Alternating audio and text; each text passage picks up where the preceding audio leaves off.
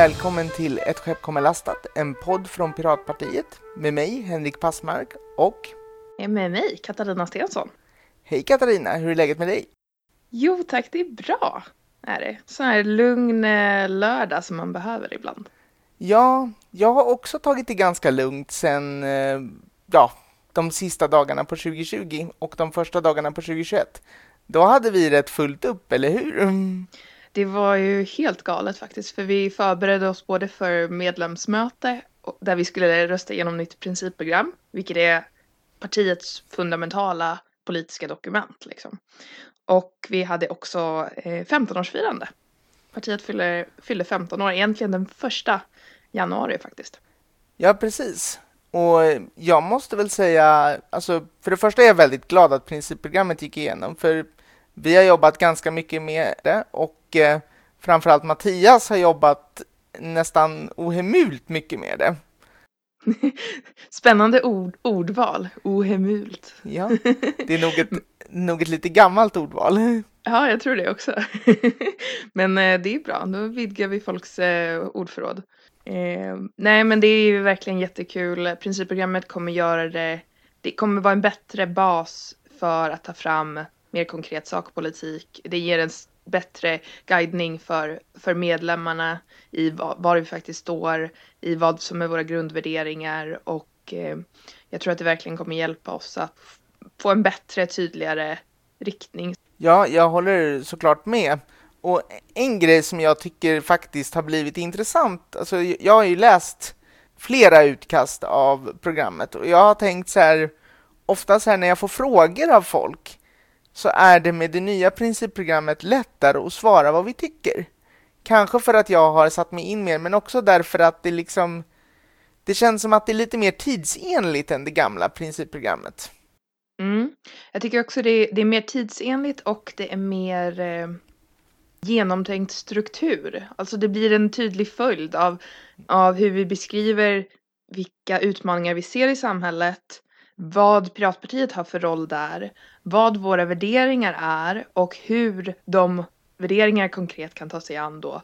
Eh, eller hur de kan guida oss i olika mer, mer konkreta frågor då, eller olika delar av, av, av samhället, olika utmaningar som vi står inför. Så det är mindre små, det, det är inte lika uppdelat så att säga, eller inslängt olika delar. Det är mer...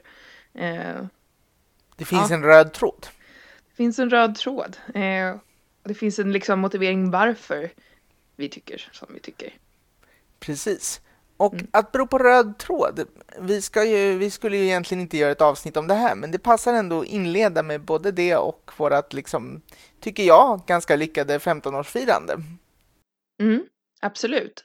Jag tänker en sak som är väldigt centralt i eh, principprogrammet är ju faktiskt frågor om konkurrens. Eller att vi är väldigt kritiska generellt sett till monopol och oligopol. Ja, och framförallt kanske det som jag tycker, för, förutom det som jag känner igen från traditionell konkurrenspolitik, så finns det också ett fokus på liksom effekten som monopolet har på människorna. Mm. Inte minst då i den här dikotomin som Mattias i, i texten försöker etablera ganska tydligt mellan de som planerar och de som planeras. Som, mm, bland annat. Ja, precis. Det finns ju andra dimensioner, men jag tycker att den är, den är intressant för att det just för att det liksom det är ju det vi ser idag att, att mm. väldigt stora liksom företag utövar väldigt mycket makt och på olika sätt planerar inte bara sina anställda utan alltså planerar i meningen manipulerar ska man väl kanske säga. Det är inte riktigt synonymt men mm. eh, inte, inte bara liksom sina anställda utan även oss användare.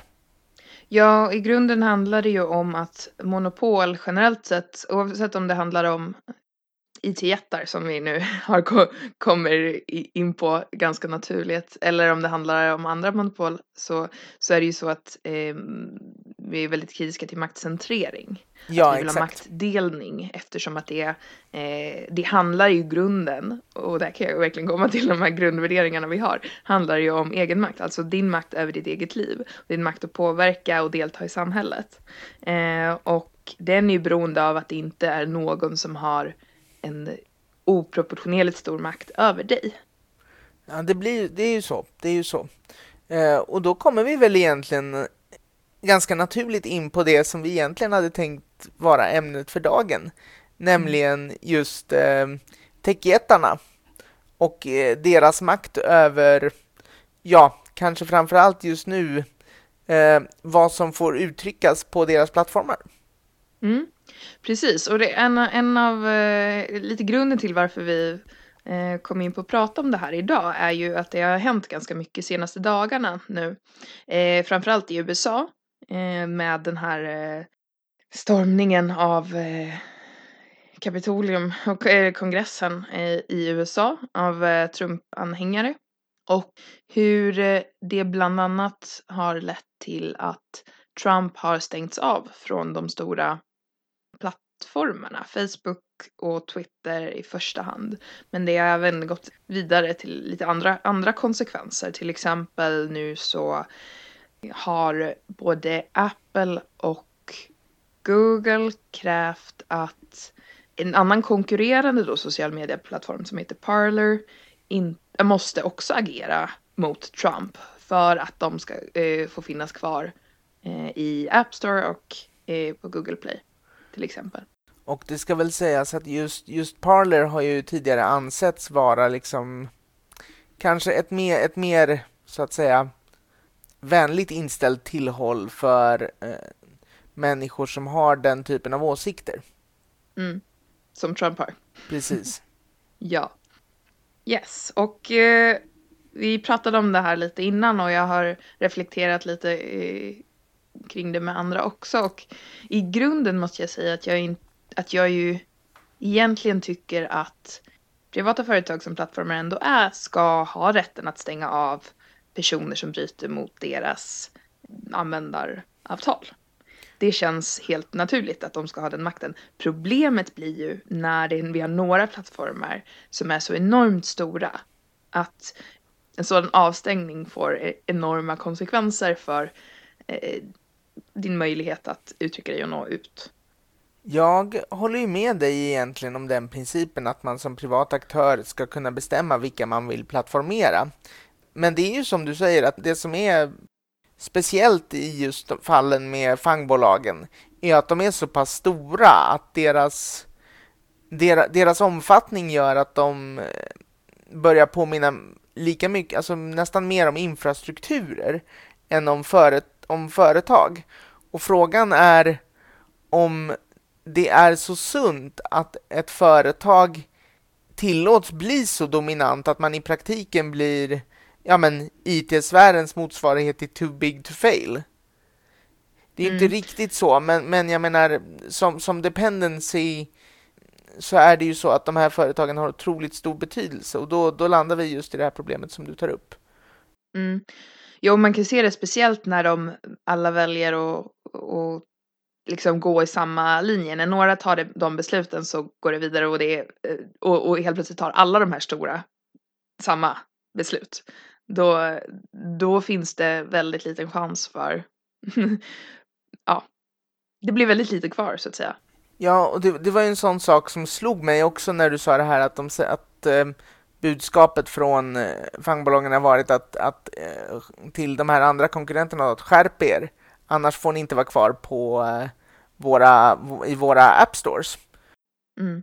Om Amazon skulle säga samma sak och säga skärp er, annars får, ni inte nyttja Amazon Web Services. Då händer mycket, för de är jättestora på nätet just nu. Uh. Och, inte, och, de, och de är liksom jättestora på en, på en lägre nivå, alltså som, mm. på en infrastrukturnivå. Precis, de är ju webbhosting så att säga, så det är många som lagrar sina sina hela tjänster och ja, data och allting. Och det, det, finns ju såklart alternativ, men andrummet för dem är ju mindre på grund utav eh, AVS stora liksom dominans. Det är ju inte så pluralistiskt som man kanske skulle vilja att det var.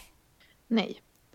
Eh, och det är ju oberoende av vad man tycker om Trump eller inte, om just han ska få säga vad han vill eller inte.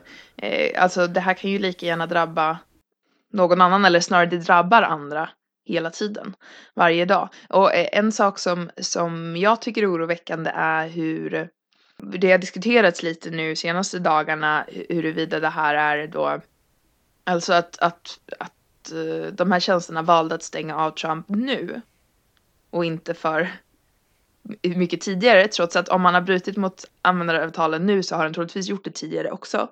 Men nu ser de att de inte är liksom, Republikanerna har i princip ingen makt längre. Demokraterna tar över i presidentposten, i, de har kongressen, de har nu senaten också. Det vill säga man behöver inte vara försiktig med Trump längre. Det blir liksom politiskt motiverat varför man stänger av nu. Det blir inte att man faktiskt bara följer användaravtalet. För om man har tydliga och klara transparenta användaravtal och är, är transparent i sin moderering så tycker jag inte att det är egentligen Eh, som sagt, och det finns en, en konkurrens av olika tjänster, då är det inte ett problem att folk stängs av från plattformar. Men när det blir då några som får sån här makt och det dessutom blir politiskt motiverade beslut. Ja, precis. En sak som jag skulle vilja tillägga där är just ap apropå användaravtalen. För, för, för, för den som faktiskt har försökt läsa de där användaravtalen någon gång, de är ju inte särskilt lättlästa. Så att det finns ju liksom en, en där har man ju en grej som jag tror faktiskt regleras på en del eh, eller på väg att regleras i EU att man faktiskt ska ställa krav på att man begriper vad man går med på. Men mm. alltså jag tycker också att det finns ett annat problem med det här som är kanske av mer politisk art. Och det är ju det att om man har den här sortens eh, egentligen helt rimliga rätt för en privat aktör att säga vems kommunikation vill jag förmedla? Tillsammans med den här typen av dominans som, som de här plattformarna har, då har du ju liksom... Du, du får ju en situation där du så att säga bestämmer vad som får synas och inte, men de som tycker på, på ett avvikande sätt då från den här åsikten som man låter komma fram, åtminstone en del av dem kommer ju fortsätta tycka så och liksom hitta sina Alltså hitta sätt att, att förmedla det ändå på något sätt. Och det, det, ibland kan det kännas, tycker jag, lite som, det, som att det här... Det är inte helt så, men det finns element av att man behandlar symptomen på ett problem istället för att åtgärda problemet när man gör så här. Mm. För jag menar, den, den här ilskan som ledde fram till stormningen av Kapitolium, den försvinner ju inte av de här åtgärderna det, det, är möjligt att den blir svårare att mobilisera, men den finns ju kvar. Mm.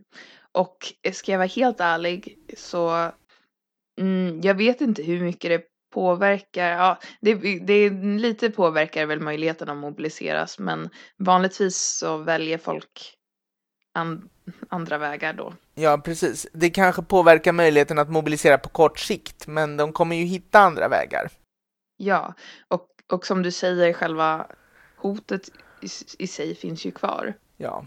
Det är lite det här, alltså ibland, ibland framstår den här typen av, av åtgärder, åtminstone, åtminstone liksom när det blir väldigt så här radikalt och omfattande, alltså när, när det egentligen när det i praktiken känns som en munkavle, då framstår det mest som ett sätt att försöka sminka grisen när det inte ser så snyggt ut. Liksom. Mm. Och det riskerar att skapa ännu mer, vad ska man säga, ilska. Ja, du odlar ju det man i filosofin brukar kalla för resentimenter, alltså en känsla, det, det, alltså, det är samma etymologiska rot som ordet resentment förstås, alltså en känsla av ja, ja men ilska och hopplöshet och lite det här att ja, men man blir arg på en viss, ett visst skikt eller en viss del av samhället för det känns inte som att de det känns inte som att de tar tillvara på ens intressen eller åsikter. Och det gör mm. de ju inte. Sen kan man väl inte kräva att folk ska ta tillvara på ens åsikter? Nej, så är det ju. Man måste ju fortfarande förhålla sig till ett problem, även om det är som yttrandefrihet. Att, att, att ha rätt att säga saker innebär inte nödvändigtvis att man har rätt att bli lyssnad på. Nej, precis. Men, så att det här är ju, alltså jag menar, vi, vi tycker att det här är lite bekymmersamt, eller väldigt bekymmersamt. Och vi, vi har ju pratat lite om det i vissa delar av partiet att, att en sak som vi faktiskt ska nämna, det är ju alternativen som finns till de här plattformarna. Alltså de här mm. Activity Pub-baserade alternativen. Typ mm. eh, PeerTube som alternativ till Youtube. Eh, Library som alternativ till Youtube. Mm. och jag, jag, vet faktiskt inte vad det finns för bra alternativ till Facebook, men det finns ju Mastodon-instanser som alternativ till, eh, till Twitter. Vi har en Mastodon-instans tror jag. Ja, det finns ju jätte, det finns egentligen jättemycket alternativ, men inga är ju så stora. Och en annan sak som du nämnde här innan vi började spela in var ju det här med plattformarnas, alltså för att en plattform ska fungera på det sätt de allra helst vill så, så kräver det ju någon sorts eh, användarmassa. En, ja, en massa, precis. Eh, bas av användare som ska vara, måste vara tillräckligt stor. Däremot kan man ju ändå ifrågasätta, måste den vara halva världens befolkning? Ja, Eller kan vi nöja oss med? Precis. Kan den fungera om den är mindre? Eh, kan det finnas plattformar som är mer specialiserade? Det kan det ju också. Vi måste inte ha en plattform som ska göra allt. Nej, precis. Det var ju lite så in, innan de sociala medierna blev en grej liksom. Då fanns det ju till exempel så specialiserade webbsidor för att hålla kontakt med sina gamla klasskamrater till exempel. Mm. de finns ju typ inte kvar idag för Facebook har checkat upp i stort sett allt det där. Ja. Jag har faktiskt sett en ganska, en ganska spännande utveckling, eller spännande ska jag inte kalla den, men den är lite så här oväntad. Och det är att i takt med att folk har fått upp ögonen för att Facebook kanske liksom, ja men det finns flera problem med Facebook och deras sätt att operera, så har man gått över och börjat använda LinkedIn som någonting annat än bara ett professionellt nätverksverktyg. Eh, mm. och LinkedIn är ju också en jätte, men den brukar liksom inte räknas med i de här stora bolag, alltså de här riktigt gigantiska bolagen i alla fall. Nej, och det kanske är delvis för att den är specialiserad. Ja. Och du kan ju erbjuda en, en lika bra eller kanske ännu bättre tjänst om den är specialiserad. Ja. Problemet är ju att det blir svårt, så som Facebook har, alltså när, när de blir så stora som Facebook är, så är den svår att, eh, att välja bort. Och det är väl mm. en av de sakerna som vi vill um, möjliggöra att man faktiskt ska kunna välja den tjänst som man anser är bäst snarare än den tjänst som man måste vara på för att det ska funka, så att säga. Lite som man faktiskt kan göra med operativsystem till datorer mm. just nu. Ja, man börjar kunna. Ja, mm. precis. Mm. Sen ska sägas, bara för att jag nämnde det, LinkedIn ägs av Microsoft och Microsoft är liksom, det är en annan jätte. Så att, eh, mm. visst. Men ändå som sagt lite problematiskt när det är när de här plattformarna bestämmer vad som får komma till uttryck och inte. Mm. Det finns alternativ och det är bra grejer. Ja, men det vi vill eh, fundera på då är ju vad kan man, eller det som många eh, frågar då är ju vad kan man göra istället? Om vi inte stänger av människor som inte beter sig eh, eller ja, enligt ens egen ens egen måttstock.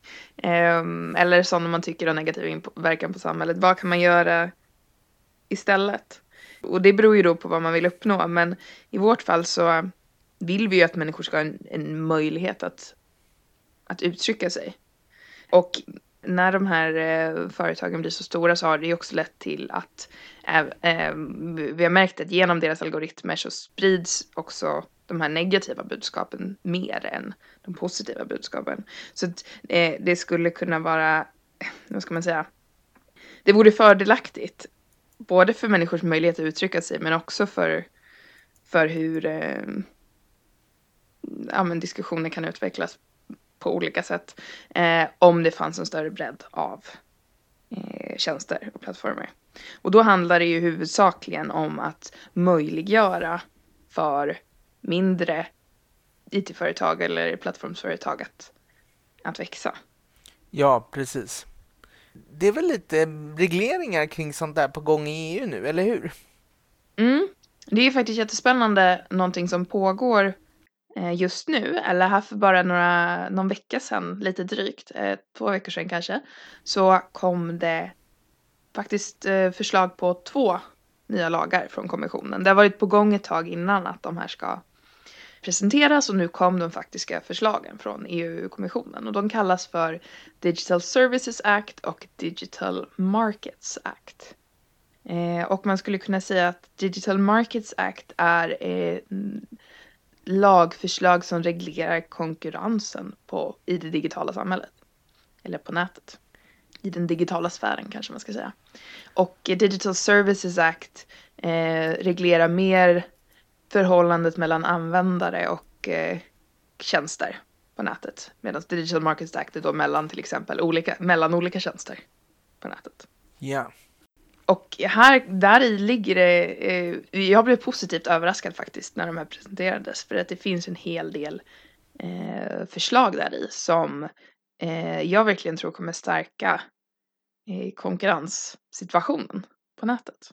Ja. Om det går rätt, går rätt ut så att säga. Det kan ja, ju förändras. Och det vet vi ju inte än. Men, men jag håller med dig. Och för, för, som jag sa till dig tidigare, jag och Mattias pratade en del om framförallt DSA. Eh, och när vi pratade om det tidigare, då kändes det som att det här, ur ett piratperspektiv, så kommer det här att bli ett jättedåligt förslag. Men det verkar inte bli det. Nej. Och det, det gjorde mig faktiskt ändå glad, för det ska man väl vara ärlig och säga att det här, alltså 2020 har inte varit ett jättepositivt år för, för liksom pirater rent regleringsmässigt. Nej. På många sätt. Det har varit lite övervakningens återkomst på något sätt. Mm. 2020 är 1984. Ja, men lite, lite så ändå tyvärr. Men, men det här känns faktiskt som att de här två förslagen ändå, jag menar, de är inte perfekta, men, men det känns ändå som att det finns en stor potential att det går i vad vi betraktar som rätt riktning. Mm. Och ett exempel då i DMA, Digital Markets Act, eh, som direkt relaterar till en av de här sakerna vi pratade om. Eh, det här med att eh, ja, både Google och Apple nu vill eh, eh, stänger av eh, Parler då till exempel för att de tillåter att Trump finns på deras plattformar, på deras plattform. Det eh, är ett, det, det, vad heter det, ska man säga, det finns en del av den här lagen som säger då att operativsystem som räknas som då en sorts gatekeepers måste tillåta, eh, ja, måste, vad ska man säga, de måste inte tillåta eh, specifika eh, ...barr på sin Play Store, men de måste tillåta andra Play Stores, så att säga, eller andra App Stores. Eh, alla tjänster, det måste finnas, det, det finns en större krav på att det ska finnas en de kan inte favorisera sina egna tjänster i operativsystemet. Nej, det där, det där kommer ju bli väldigt intressant för eh, alltså framförallt eh, gentemot eh, vad heter det, gentemot Apple skulle jag säga, för de har ju varit de som låst ner sina system mest historiskt. Mm. Eh, så där kan man ju, om det här går igenom som det är formulerat, så kan man ju då se att det kan komma en, en större bredd av Eh, att, det, att det öppnas upp. Eh, I, eftersom att vi har några få operativsystem som är liksom dominerande. Men då kan det öppnas upp vilka appar som kan finnas. Hur man kan, vad man kan använda för eh, tjänster för att ladda ner appar. Eh, vad man kan ha för möjliga betalsätt i appar också. Att, man inte krä, att, att Google till exempel inte kan kräva att man ska använda att det ska betalas genom Google Play för en app som är nedladdad genom, i, i en app som eh, så här in-app purchases i en app som är eh, nedladdad via Google Play till exempel. Det ska bli spännande att se vart det här tar vägen, tycker jag. Ja, den har en del andra, det här eh, som sagt gatekeepers. Eh, operativsystem är som sagt ett exempel på de som kallas för gatekeepers, men det gäller även tjänster som till exempel Amazon som är en eh, där andra företag säljer varor via mm. Amazon. Så de är liksom då eh, gatekeepern. Och då finns det också i det här eh, förslaget reglerat att de inte får särbe alltså att de inte får särbehandla sina, e alltså andra, vad ska man säga, de får inte särbehandla sina, e eh, sina egna produkter eller ge dem prioritet framför andras på den här plattformen utan eh, ja, det ska finnas ett, ett bättre konkurrensförhållande mm. mellan, mellan olika då, säljare på plattformen till exempel. Det blir spännande att se vart det här tar vägen för att vi, vi pratar ju lite om det och det finns ju möjligheter att få undantag för en del av de här regleringarna. Mm. Exakt, så det, det är ju alltid, och det är alltid så otydligt i sådana här eh, texter vad som faktiskt menas. Och ibland gör de så med, med flit också. Eh, så vi kan ju tolka dem väldigt positivt men det kan också vara så att det inte alls blir som vi har tänkt oss. Ja, det, det, det, finns ju tyvärr ingen garanti för att vad heter det, implementationen blir på det viset. Mm. Men det finns i alla fall ett, ett, rad, en rad förslag där som, som är tänkt att motrö, motverka den här stuprörssystemen. Eh, alltså det här att ett företag eh, man måste använda sig av deras tjänster hela vägen så att säga. Om man väljer eh, Android i botten som är Googles eh, så måste man liksom använda deras tjänst, tjänster hela vägen. Det, det, är det som den försöker motverka då. Ja, och just när det gäller Android är det spännande för där har ju den möjligheten egentligen funnits hela tiden. Mm. Men man måste vara lite man måste vara lite savvy för att kunna nå dit. Mm. Det finns ju till exempel eh, en alternativ App Store som heter F-Droid.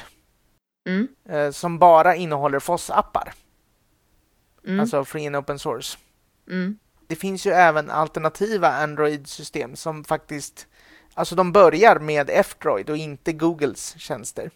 Mm. Jag tolkar det ju som att det finns möjlighet i alla fall att den här lagstiftningen kan innebära ett större så att säga andrum för den typen utav, applika utav applikationer i, i Android och kanske till och med i iOS-systemet. Mm. Ett mindre beroende av de här ja, stora jättarna.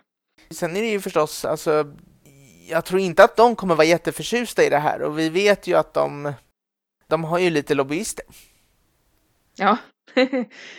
ja, jag tänker på det är inte så mycket det här som påverkar till exempel Facebook då, men det fanns ju några, det finns några punkter där också. Alltså det, de här tjänsterna gäller ju typ, eller de här förslagen gäller den typen av uh, tjänster också. Sociala medieplattformar kan också karaktäriseras som gatekeepers, men det blir ju, vissa av de här sakerna gäller ju bara för vissa typer av gatekeepers så att säga. Så att, eh, eh, men det finns till exempel krav på att man ska kunna på ett enkelt sätt förflytta sin data. Ja, och som sagt det kan ju bli intressant. Även Facebook har ju faktiskt en App Store. Mm, som mm. inte är sådär jättevälkänd, men den eh, hör framför allt till Oculus. Okej. Okay. Och eh, där pratar ju du och jag om att det, det lät ju som att en del som att en del, alltså att det skulle finnas krav på att, att man måste liksom tillhandahålla, eller man, det, det måste finnas möjlighet att sälja eh, så att säga mjukvarutjänster på flera plattformar och, eh, och, att plattform, och att det ska kunna gå att liksom använda flera plattformar på en device. Mm. Så som det ser ut nu på Oculus så råkar jag veta att det, det är ganska så inlåst. Det finns vägar runt det, men de är krångliga och det mesta är väldigt dyrt i Oculus Store dessutom. Ja. Så där har vi ju ett område som skulle kunna påverkas. Ja. ja, för vi tänker ju väldigt lätt bara på, det är lätt att bara tänka på smartphones. Och Oculus är ju, vad heter det? ett VR-headset är det. Mm. Hårdvarumässigt intressant nog så är det typ en väldigt, väldigt kraftfull platta. Okay. Alltså det, det, motsvarar en väldigt, väldigt kraftfull platta och sen lite extra VR-lullul på toppen. Liksom. Men vad kör den för operativsystem då? Har den något eget? Ja, det, det, vet jag inte faktiskt. Jag har en, en god vän som äger en Oculus. Vi har pratat lite om det. Jag har uppfattat det som att det är någon, någon otroligt förändrad version av Android. Som är, alltså, jag vet inte om du känner till det, men Amazon har ju sin egen version av Android som är väldigt olik Google. Liksom. Mm. Ja, det är ju grunden av Android är ju open source, men det är ju väldigt mycket av våra, de, i, i de vanliga Android-systemen som finns på de mest, flesta smartphones så är det påbyggt en massa icke open source-grejer från Google. Yes, precis. Mm. Och jag tror att det här är något sånt, men jag vet faktiskt inte vad det är för operativsystem på Oculus. Det kan Nej. vara något helt hemmasnickrat. Ja, men kontentan är att det här gäller inte bara då absolut vanliga smartphones Nej. utan alla de, det kommer ju bara finnas fler och fler sådana här äh, andra typer av digitala enheter som vi använder oss av. Och eh, förhopp förhoppningen är ju då att de här, den här lagstiftningen ska leda till en bättre konkurrenssituation med, där vi kan skapa fler olika alternativ och man faktiskt kan välja, välja olika tjänster baserat på hur bra man tycker att tjänsten fungerar och inte bara på var andra råkar finnas någonstans. Som det är lite idag. Mm. Ja. Och den här andra Digital Services Act, den reglerar ju lite då mer sån här, som du nämnde lite, användaravtalen måste vara tydliga, eh, det finns transparenskrav på moderering och lite sånt. Precis. Mm. Vi har sammanfattat båda de här lagarna på vår hemsida, så det går att gå in där och kika eh, om man vill Yes. eh, veta lite mer. Vi kan länka till det faktiskt tillsammans med, mm, med podden. Ja, det är väl rimligt. Yes. Vad, jag funderar på om vi ska börja avsluta. Ja, det blev väldigt mycket DMA, men det är nog bra. För, för då kan man... DSA förtjänar nästan sitt eget avsnitt. Tror jag. Ja, jag, ja, jag tror att just i det här fallet, om man, om man utgår det här från det här problemet med eh, Avstängning av eh, yttranden. Eller vad Precis. menar du? Ja. Ja, exakt så känner jag att det, att DMA är väldigt intressant. För jag, tycker jag tycker att en, en grund, om man verkligen vill komma åt grunden till problemet så är det ju att de här plattformarna är så dominerande och då är det ett konkurrensproblem. Alltså då är det en fråga om hur marknaden ser ut. Ja, precis. Det, det är ett marknadsekonomiskt problem. Liksom. Ja, inte exakt. Alltså, man kan också se det ur perspektivet hur, hur de här plattformarna agerar i förhållande till eh, individen då som drabbas. Och där kan man ju absolut ställa krav på, det är många som har upplevt att de har fått saker nedplockade eller blivit avstängda och inte fått en förklaring. Alltså att, och det handlar ju om, om att eh, användarvillkoren ibland är otydliga och eh, så. Så det, man, kan, man kan se att det är ett problem i det perspektivet också. Men just för att hitta lösningen alltså, på det här skulle jag vilja säga att den huvudsakliga lösningen i det här fallet är att få en bättre konkurrenssituation. Ja, jag håller med dig. Nej, men, och, det, och, och apropå det här att det, ska, att, det ska, att det kan drabba andra. Liksom. Jag har en, en vän eh, som jag... Jag har faktiskt aldrig träffat henne. Vi har mest kontakt eh, online. Och, eh, och hon är baserad i Finland. Och hon, hon blir ganska ofta avstängd av Facebook. Och då handlar det liksom ofta om att hon... Eh, Ja, men ofta att hon har varit eh, kritisk och ganska högljutt kritisk mot någon som är extremt religiös åt det ena eller andra hållet och kanske på grund av det inte säger sådär jätte, ja som jag tycker då, särskilt kloka saker. Det är lite det här som vi också har diskuterat som problem med TCO, alltså terror, terrorlagen som jag gillar att kalla den lite Mm. degenererande. Att, att vem som bestämmer vad som är gott och bra, det är inte, alltså det är inte, det är inte liksom alltid universellt och helt självklart. Nej, och det är därför vi vill ha en mängd olika tjänster som kan ha olika användaravtal. Eh, så att man kan hitta sin plattform där man tycker att här är en nivå som jag är bekväm med. Då kan du, om man absolut vill, ha det supersäkert och tryggt och att ingen säger något, så kan man ha en sån här där man måste identifiera sig själv. Absolut. Och sen så kan det finnas andra tjänster som är mer tillåtande. Sen såklart om saker verkligen bryter mot lagar, då är det en annan sak. De måste man ju hantera med rättssystemet. Ja, såklart. Eh, men sen också tycker jag, alltså man ska också vara försiktig med vad man gör till ett lagbrott, tycker jag. Alltså, vi, vi, vi måste ju ha lagar och så, det är inte det jag säger. Men det finns ju liksom, det finns ju en vilja, upplever jag, hos, eh, ja, oavsett egentligen om du tittar hos ytterkantshögern eller ytterkants eh, eller ytterkantsvänstern ett missnöje med de lagar som finns. Men en vilja att istället ha ännu hårdare lagar som liksom, ja men, och, och det är ju inte nödvändigtvis rätt väg att gå. Liksom. vad, menar du? Att det är vissa saker som eh, tycker de att, att, att ska tillåtas mer och andra saker tycker de ska tillåtas mindre. Det är väl ändå ganska naturligt att man har, eller menar du att Jo, de har det är samma... ganska naturligt, men en, va, en, va- ett, en, vanlig, en vanlig hållning hos till exempel nazister, alltså nynazister, Mm. är ju att våran rättsstat är för mesig på många sätt. Liksom. Okej. Men de vill kunna finnas. Ja, precis. De anser ju... Ja. Ja, så att det blir ju... Och, och det är lite, lite det jag är ute efter. Det, det finns också liksom en vilja hos mer konservativa element, tycker jag, men även, även inom delar av vänstern, att lagstifta om saker som, som egentligen hör hemma i, tycker jag, då, det normativa tankegodset snarare än det juridiska tankegodset.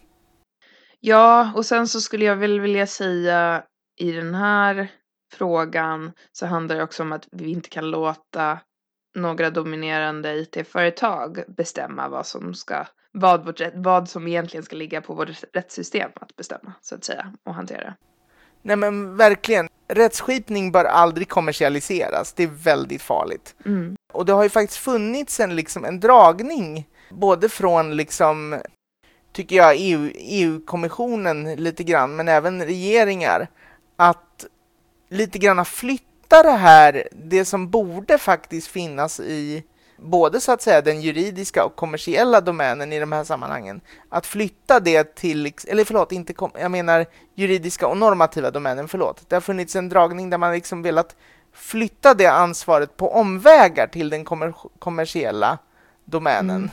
genom att typ, ja men göra lite så här halvt odemokratiska avtal mellan regeringar och de här företagen att liksom ni får jättegärna göra så här, bara så ni vet. Vi tycker det, vi tycker det är bra om ni gör det.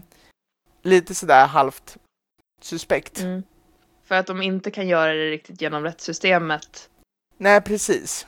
Så då gör de det genom att sätta halv, halv otydliga krav på plattformar istället. Ja, precis. Och det är lite så här, det är också ett sätt för politikerna att, att lite granna smita undan ansvar, mm. tycker jag. Mm. Och jag, eh, ja, jag har i alla fall inga planer på att bli en sån politiker om jag någon gång får makt i det avseendet. Det, alltså, för det... Fegt. Det är inget, ja, det är fegt. Det är riktigt fegt och det är inte liksom... Som sagt, sånt som hör hemma i den juridiska eller normativa domänen blir, det blir problematiskt om det, om det liksom om efterlevnaden och alltså tillsynen hamnar i privata händer. Mm. Jag tror inte på det. Men nu drog vi över tio minuter från det att vi sa att vi skulle avsluta, så att vi kanske ska avsluta. det är för mycket intressant att prata om i den här frågan. Men vi får fortsätta en annan dag. Ja.